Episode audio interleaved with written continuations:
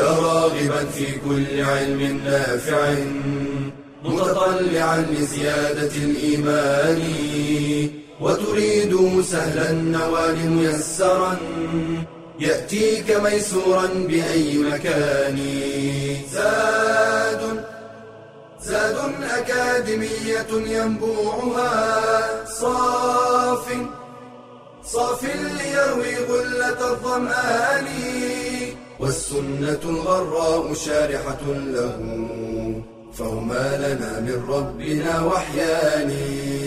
بشرى لنا زاد أكاديمية للعلم كالأزهار في البستان. بسم الله الرحمن الرحيم. الحمد لله رب العالمين والصلاة والسلام على أشرف المرسلين نبينا محمد صلى الله عليه وعلى آله وصحبه ومن والاه. أما بعد سلام الله عليكم ورحمته وبركاته. حياكم الله وبياكم وجعل الجنة مثوانا ومثواكم ولقاء يتجدد في أكاديمية زاد في هذه القناة الطيبة المباركة وهذا المشروع المبارك وهذه المادة العظيمة الحديث الشريف كلام المصطفى صلى الله عليه وسلم. حديثنا اليوم الحديث السابع عشر حديث علي بن أبي طالب رضي الله عنه وأرضاه أن رسول الله صلى الله عليه وسلم قال لا طاعة في معصية الله إنما الطاعة في المعروف لا طاعة في معصية الله إنما الطاعة في المعروف. متفق عليه. راوي الحديث. علي بن أبي طالب الهاشمي رابع الخلفاء الراشدين بإجماع الأمة وابن عم النبي صلى الله عليه وسلم زوجه ابنته فاطمة ولي الخلافة بعد مقتل أمير المؤمنين عثمان بن عفان رضي الله عنه وقتل بالكوفة سنة أربعين من الهجرة. شرح المفردات ومعاني الكلمات قوله إنما الطاعة في المعروف أي الطاعة للمخلوق في أمر عرف بالشرع. بالمعروف هو ما أقره الشرع ولم يتنافى معه. قبل أن نبدأ في حديثنا الاطلاله سريعة. اطلاله سريعة على أبي الحسن. علي بن أبي طالب. رضي الله عنه وأرضاه الذي تربى في مدرسة النبوة وفي بيت النبوة وعلى مرأى من النبي صلى الله عليه وسلم. رسولنا صلى الله عليه وسلم تربى في بيت أبي طالب أبو علي. ورد النبي صلى الله عليه وسلم الجميل لعمه فأخذ عليا رباه في حجره وفي بيته وهو أول فدائي في الإسلام. فإن النبي صلى الله عليه وسلم لما هاجر جعل عليا ينام في فراشه. ولما دخل الكفار إلى بيت النبي صلى الله عليه وسلم ورأوا فراش النبي قالوا هذا محمد قالوا لا اكشفوا. فلما كشفوا وإذا بعلي رضي الله عنه وأرضاه ينام في فراش النبي صلى الله عليه وسلم.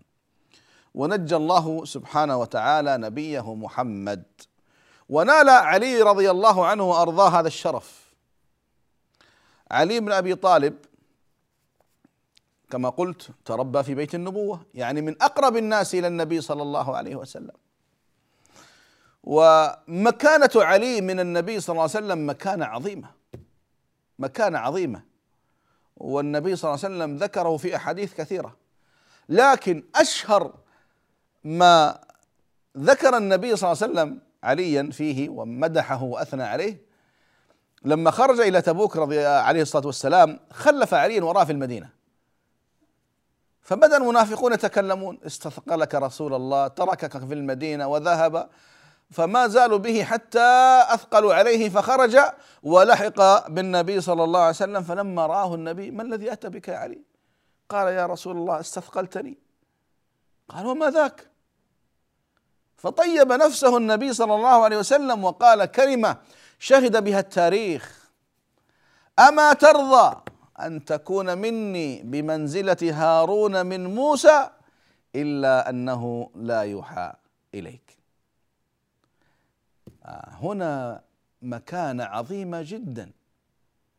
قال له أنت يا علي مني بمنزلة هارون من موسى إلا أنه لا يوحى إليك. انتبهوا لأنه يعني النبي صلى الله عليه وسلم يعرف أن الناس قد يغلون في علي لو سكت. فهذه مكانة عظيمة. ابن عمه وزوج ابنته فاطمة. قطعة من النبي صلى الله عليه وسلم. فزوجه قطعة منه فاطمة رضي الله عنها وأرضاها. والحسن والحسين سبطيه وكيف كان النبي صلى الله عليه وسلم يتعامل مع السبطين سيدا شباب الجنة. رضي الله عنهما وأرضاهما. وعلي بن أبي طالب هو الخليفة الرابع بعد أبي بكر عمر عثمان علي رضي الله عنه وأرضاه. وكم نافح عن النبي وقاتل عن النبي وجاهد مع النبي صلى الله عليه وسلم وكم قدم للإسلام وبذل للإسلام لكن الفتنة لم يسلم منها رضي الله عنه وأرضاه وقتل سنة أربعين من الهجرة. تخيلوا علي رضي الله عنه وأرضاه. ولكن أراد الله أن يكرمه كما أن النبي صلى الله عليه وسلم شهد له بالجنة فأراد الله عز وجل أن يشرفه بالشهادة التي نالها. نالها عمر ونالها عثمان ونالها علي رضي الله عنه وأرضاه ونالها كثير من الصحابة. مع أن هناك من غلا فيه. هناك من غلا في علي بن أبي طالب وهؤلاء الذين كانوا اتباعا لعبد الله بن السوداء. عبد الله آه، هذا الرجل الذي ادعى الإسلام وهو يهودي. عبد الله ابن السوداء وأخذ يرجف حتى آه، أوصلوا علي إلى مقام الألوهية والربوبية مع الأسف. ويعني ادعى هذا الخبيث ابن السوداء أن عليا حل فيه شيء من الألوهية وضحك على الناس مع الأسف وهناك جهل اتبعوه. فعلي رضي الله عنه وأرضاه حفر خندقا وملأه نارا وقال من زعم ان الها حرقته بالنار. فقالوا إن هذه النار ما هي إلا جنة ولكن هذا ابتلاء ولا يعذب بالنار إلا رب النار فتقاذفوا فيها والعياذ بالله كالجنادب والجراد. نعوذ بالله. الشاهد أن علي رضي الله عنه وأرضاه يعني مر في حياته بتجارب كثيرة وبامتحانات كثيرة وبفتن عظيمة ثبت لها ثبات أو ثبات الجبال الرواسي. أبو الحسن يكفي أبو الحسن. أبو تراب كما لقبه النبي صلى الله عليه وسلم. وغلا فيه أقوام ولا حول ولا قوة إلا بالله. أما نحن فأهل السنة والجماعة يعترفون بأن علي بن أبي طالب هو من الصحابة العظام. وهو رابع صحابي في المنزلة. بعد أبي بكر وعمر وعثمان وعلي، علي هذا هو الرابع بعد الصحابة وله فضله وله مكانته. ونشهد بأنه من أهل الجنة رضي الله عنه وأرضاه، لكن لا نفعل مثل أتباع الصفويون هؤلاء والروافض وغيرهم. يزعمون أنه طبعا رأس أئمتهم وأنه يعلم الغيب وأنه يتحكم في الخلق ويدخل الجنة من أراد ويخرج من الجنة من أراد ويدخل النار من أراد.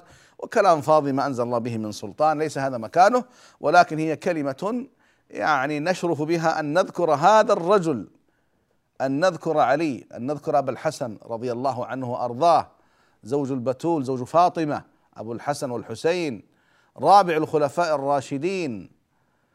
رضي الله عنه وعن الصحابة أجمعين وفاصل ثم نعود إليكم وصلى الله على محمد والحمد لله رب العالمين. بشرى لنا زاد أكاديمية للعلم كالأزهار في البستان. هل تريد أن تكون صلاتك صحيحة مقبولة؟ إذا لابد أن تحقق شروط الصلاة التي لا تصح إلا بها فمنها دخول الوقت. فلا تصح الصلاة قبل دخول وقتها بالإجماع. قال تعالى إن الصلاة كانت على المؤمنين كتابا موقوتا. وأوقات الصلاة الخمس معروفة وهي ثلاثة عند الحاجة إلى الجمع فوقت لصلاتي النهار الظهر والعصر. ووقت لصلاتي الليل المغرب والعشاء ووقت لصلاة الفجر.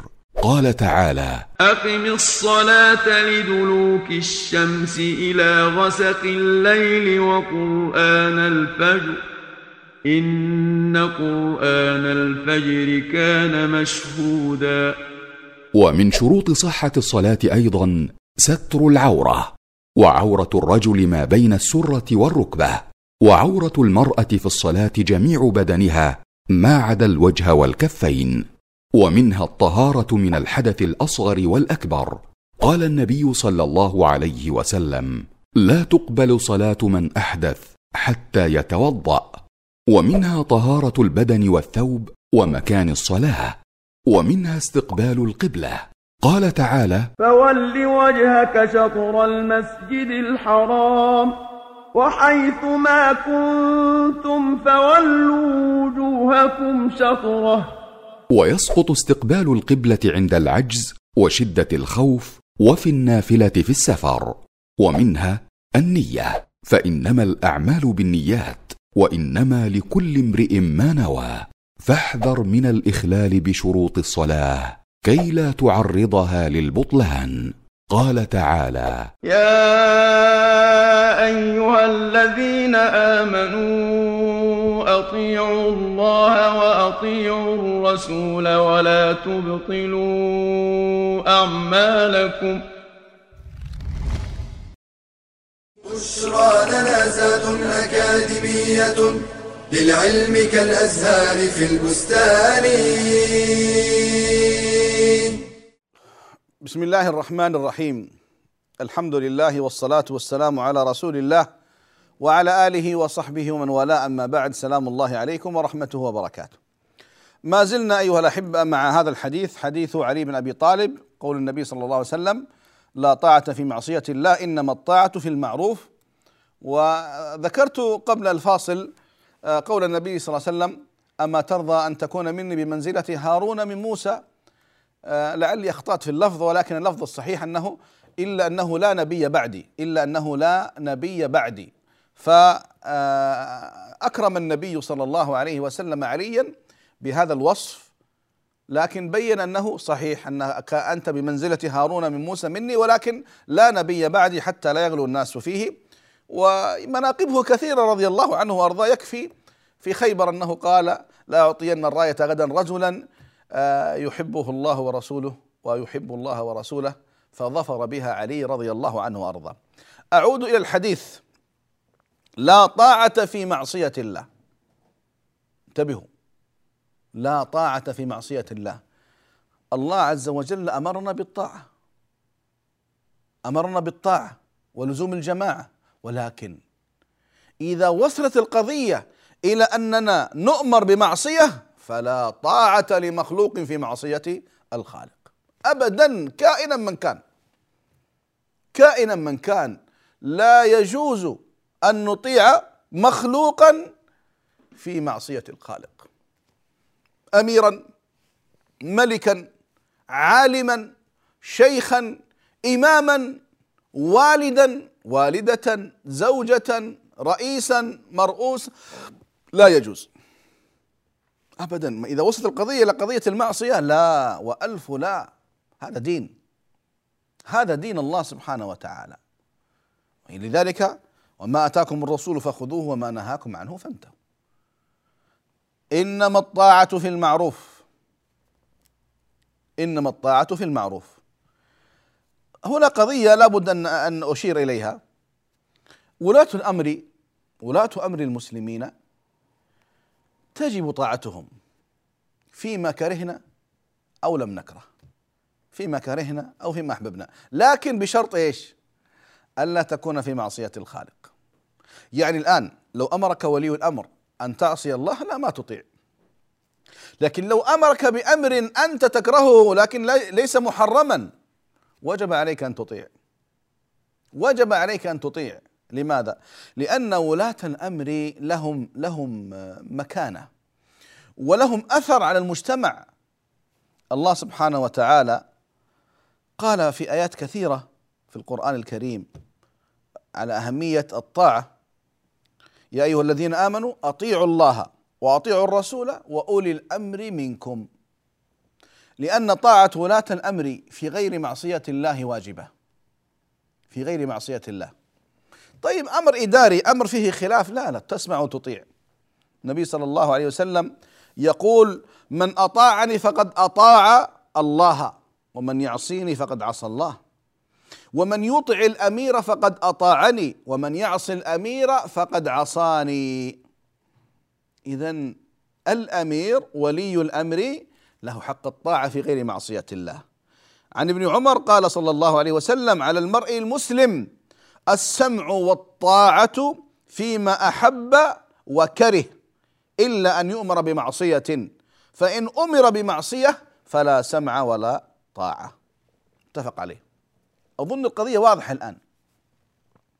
المشكلة الآن وغير الآن في قديم الزمان آه الخروج على ولاة الأمر. الخروج على ولاة الأمر. لكن خروج في غير يعني في غير في غير محله. يعني كم حدثت من فتن؟ وكم تنادى الناس إلى الخروج على ولاة الأمر؟ لكن في غير كفر والعياذ بالله. في غير كفر. فكانت النتيجة وخيمة. وخيمة. ولذلك الإنسان يحرص. ما دام أن إمامه ولي أمره مسلما عليه أن يطيعه. فيما أحب أو كره وإن أخذ مالك وإن جلد ظهرك. بعض الناس يقول لك يا أخي هذا هذا استنواق. هذا يعني خنوع. يا أخي والله ما جاءت الشريعة إلا بما يحفظ المجتمعات. إذا ولي أمرك إذا لم يأتي كفرا بواحا يجب عليك أن تطيعه. يجب عليك أن تطيعه. الحمد لله قد يكون في هناك أمور فيها خلاف أمور فيها مصالح مختلفة تسمع وتطيع إن هنا الضابط ما لم يأمر بمعصية ما لم يأتي كفرا بواحا أو والعياذ بالله معصية يعني يعني تسمع وتطيع لكن قضية الخروج الآن فرق بين السمع والطاعة والخروج على على ولاة الأمر. الخروج على على ولاة الأمر هذه قضية يجب أن يكون إنسان وقاف عندها أن ينتبه. لكن الطاعة الآن يعني هل لو أمرني بمعصية أقول لك أقول له لا وأخرج عليه؟ لا. لا. انتبه حتى لو أمرك بمعصية لا يجوز لك أن تخرج عليه. لكن إذا أمر كان كفرا بواحا وحتى هذا الكفر البواح إذا أتى به يجب عليك أن توازن بين المصالح والمفاسد. يعني قد يكون كفر فيه كفر بواح ولكن أنت ضعيف. ما عندك سلاح ما عندك أنصار. لا سيترتب هناك أمر أعظم. سيترتب فساد للناس. مثلا نهب لأموالهم استباحه لأعراضهم سفك لدمائهم. ويترجح هذا؟ لا لا لا. فنفرق بين القضيتين. قضية الخروج على ولاة الأمر هذه قضية وقضية السمع والطاعة هذه قضية. أمرك بمعصية؟ ما تطيع. لكن ليس معنى هذا أنه إذا أمرني بمعصية أني أخرج عليه أو أؤلب الناس عليه. لا. لا بد أن يكون هناك حكمة في التعامل. الخروج على ولاة الأمر كارثة. لها أحكامها والعلماء تكلموا فيها. أحكام الكتاب الأحكام السلطانية وما جاء فيها من أحكام تبين. تبين القضايا من أولها إلى آخرها. لذلك مثل هذه الأمور الكبار من يفتي فيها؟ من يتكلم فيها؟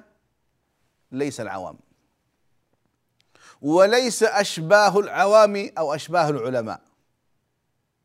إنما يتكلم فيه أهل الحل والعقد. لماذا؟ لأنه هذا يترتب عليها مفاسد عظيمة جدا. فالآن نحن أمام قضيتين. القضية الأولى قضية الخروج على ولاة الأمر. آه هذه قضية خطيرة جدا جدا جدا. حتى لو أمرك بمعصية أو بمخالفة لا يجوز لك أن تخرج عليه. طيب لو أمرك بكفر بواح كفر بواح. هذا الآن الآن وصلنا إلى قضية واضحة جدا. ولي أمر أحد البلاد الإسلامية أمر بكفر بواح. هل يجوز الخروج عليه؟ آه هذه قضية كما قلت لكم لا يتكلم فيها إلا أهل الحل والعقد لأن لها شروط ولها موانع ولها أوصاف ولها آه، بحث سلبيات وإيجابيات أفضل ولا ولا كذا في قوة ولا ما في قوة. ماذا سيترتب على ذلك؟ حكمة. أذكر في أيام الشيخ بن عثيمين رحمة الله عليه أحد الدول العربية رئيسها أتى بكفر بواح وجاء مجموعة من تلك الدولة إلى الشيخ ابن عثيمين. نريد أن نخرج عليه. قال لا ما تخرجون عليه. يا شيخ فعلوا فعلوا فعل قال ما تخرجون عليه. يحاولون يمين يحاولون يسار. قال الشيخ لا. خرجوا من عند الشيخ ومع الأسف ركبوا رؤوسهم وفعلوا الأفاعيل فانقلبت عليهم. قتل منهم من قتل. سفك منهم من سفك دمه فعلت الأفاعيل استبيحت الأعراض ذهبت الأموال سالت الدماء شوهت صور الدين. هذه المشكلة حينما حينما الناس يبتعدون عن العلماء. لذلك إذا ابتعد الناس عن العلماء الربانيين الذين أجمعت الأمة عليهم سيتخذون علماء آخرين كما جاء في الحديث. علماء أشباه العلماء. علماء ليسوا بعلماء وإنما اتخذوا الناس علماء ضلال. فسئلوا فأفتوا بغير علم فضلوا وأضلوا. هنا الكارثة. هنا الكارثة يقول الحسن البصري رحمه الله إذا جاءت الفتنة لم يعرفها إلا العلماء وإذا أدبرت عرفها كل أحد. الفتن إذا جاءت ما يعرفها إلا العلماء. العلماء الحق علماء. العلماء الربانيون. لكن إذا أدبرت عرفها كل أحد. فاصل ثم نعود إليكم بإذن الله وصلى الله على محمد وعلى آله وصحبه وسلم والحمد لله رب العالمين. بشرى لنا زاد أكاديمية للعلم كالأزهار في البستان.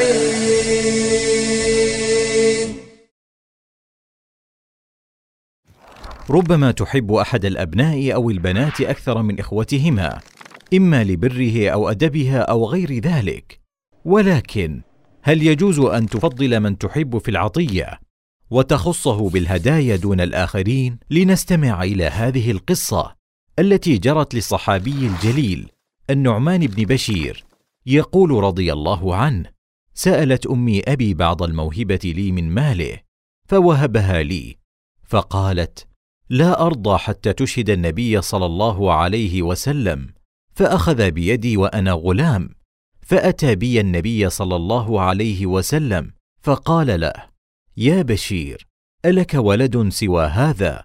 قال نعم. فقال اكلهم وهبت له مثل هذا. قال لا. قال فلا تشهدني إذن فإني لا أشهد على جور. ففي هذا الحديث تحذير من تفضيل أحد الأبناء على إخوته وأنه من الجور والظلم. ولم يفرق بين الذكر والأنثى وذلك لما يؤدي إليه من الكراهية والنفور بينهم. ولا حرج في الميل القلبي لأحد الأولاد دون غيره لأن ذلك أمر ليس في مقدور العبد وإنما الذي يحرم أن يفضل المحبوب على غيره بالعطايا دون سبب شرعي. فإن حصل مثل هذا التفضيل وجب رد العطية أو إعطاء الآخرين مثل أخيهم. ويجوز التفضيل بين الأولاد. إذا كانت هناك أسباب وجيهة تدعو إلى ذلك كأن يخص أحد أولاده لمرض أصابه أو فقر وحاجة ألمت به أو لاشتغاله بطلب العلم ونحوه من الفضائل. وللوالد أن يمنع العطية عمن يستعين بها على معصية الله تعالى ويعطيها لمن يستحقها. قال تعالى وتعاونوا على البر والتقوى ولا تعاونوا على الإثم والعدوان واتقوا الله إن الله شديد العقاب.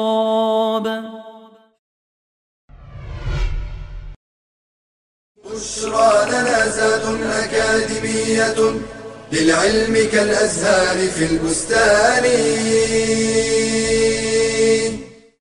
بسم الله الرحمن الرحيم. الحمد لله والصلاة والسلام على رسول الله وعلى آله وصحبه ومن والاه. أما بعد سلام الله عليكم ورحمته وبركاته. فنعود إلى ما كنا نتكلم فيه.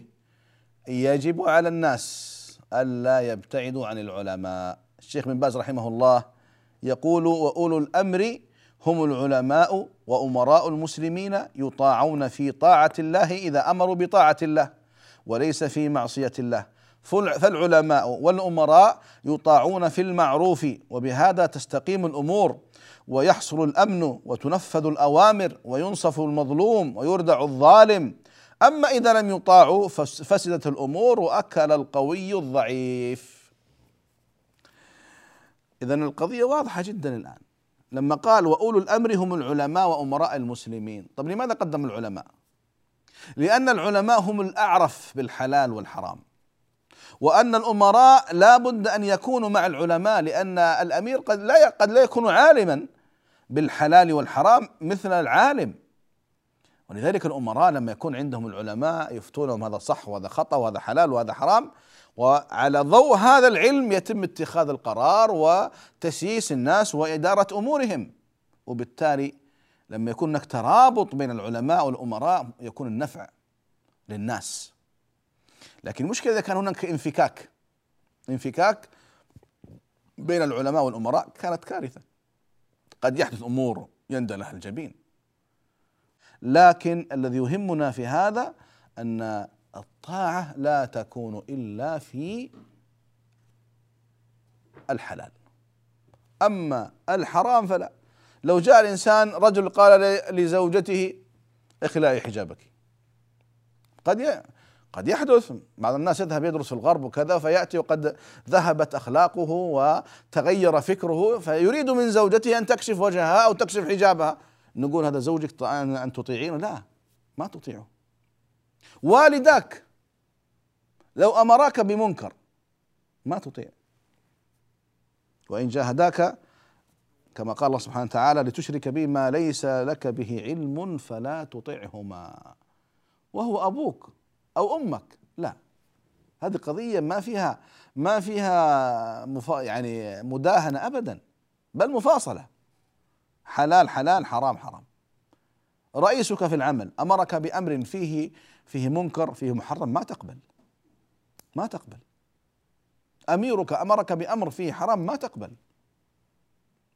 قد تبتلى أبتلى. أصبر. اصبر. والنبي صلى الله عليه وسلم قال وإن أخذ مالك وإن جلد ظهرك. اصبر. لأنه أنت ستبتلى ستعود إلى الله سبحانه وتعالى وعند الله تجتمع الخصوم. والدنيا مهما حدث فيها الإنسان يصبر وقدر الله ما شاء فعل. لكن أن نطيع مخلوقا في معصية الخالق لا. هذه قضية مسلمة. لا طاعة. قال شيخ الإسلام رحمه الله ويلزم الإنسان آه، طاعة والديه في غير المعصية وإن كانا فاسقين. وهذا فيما فيه منفعة لهما ولا ضرر. أبوك أو أمك مهما كان امراك بمنكر بمحرم بكفر لا ما نقبل. مع إنه يعني طاعة الوالدين واجبة لكن في منكر لا لا نقبل. الزوج طاعته واجبة لكن في منكر لا. رئيسك طاعته واجبة في عملك لكن في منكر لا. والإنسان لابد أن يتقي الله سبحانه وتعالى في مثل هذه القضايا التي يعني أمر محرم خلاص انتهينا. الحلال بين والحرام بين. بينهما أمور مشتبهات هذه لا حل لها أمر آخر. لكن قضية إيش؟ قضية كما الحديث لا طاعة في معصية الله إنما الطاعة في المعروف. هذه قاعدة تستمر إلى قيام الساعة. تستمر إلى قيام الساعة. لا طاعة لمخلوق في معصية الخالق. طيب إذا أعود فأكرر قضية إيش؟ نفرق بين إيش؟ عدم الطاعة والخروج على ولاة الأمر. أما الخروج حتى لو أمرك بمعصية لا تخرج. لأنه يترتب عليه فساد فساد أمة فساد مجتمع فساد دولة. يترتب عليه خوف جوع سفك دماء هلع. لا كارثة هذه. كارثة. لكن الطاعة لا ما نطيع.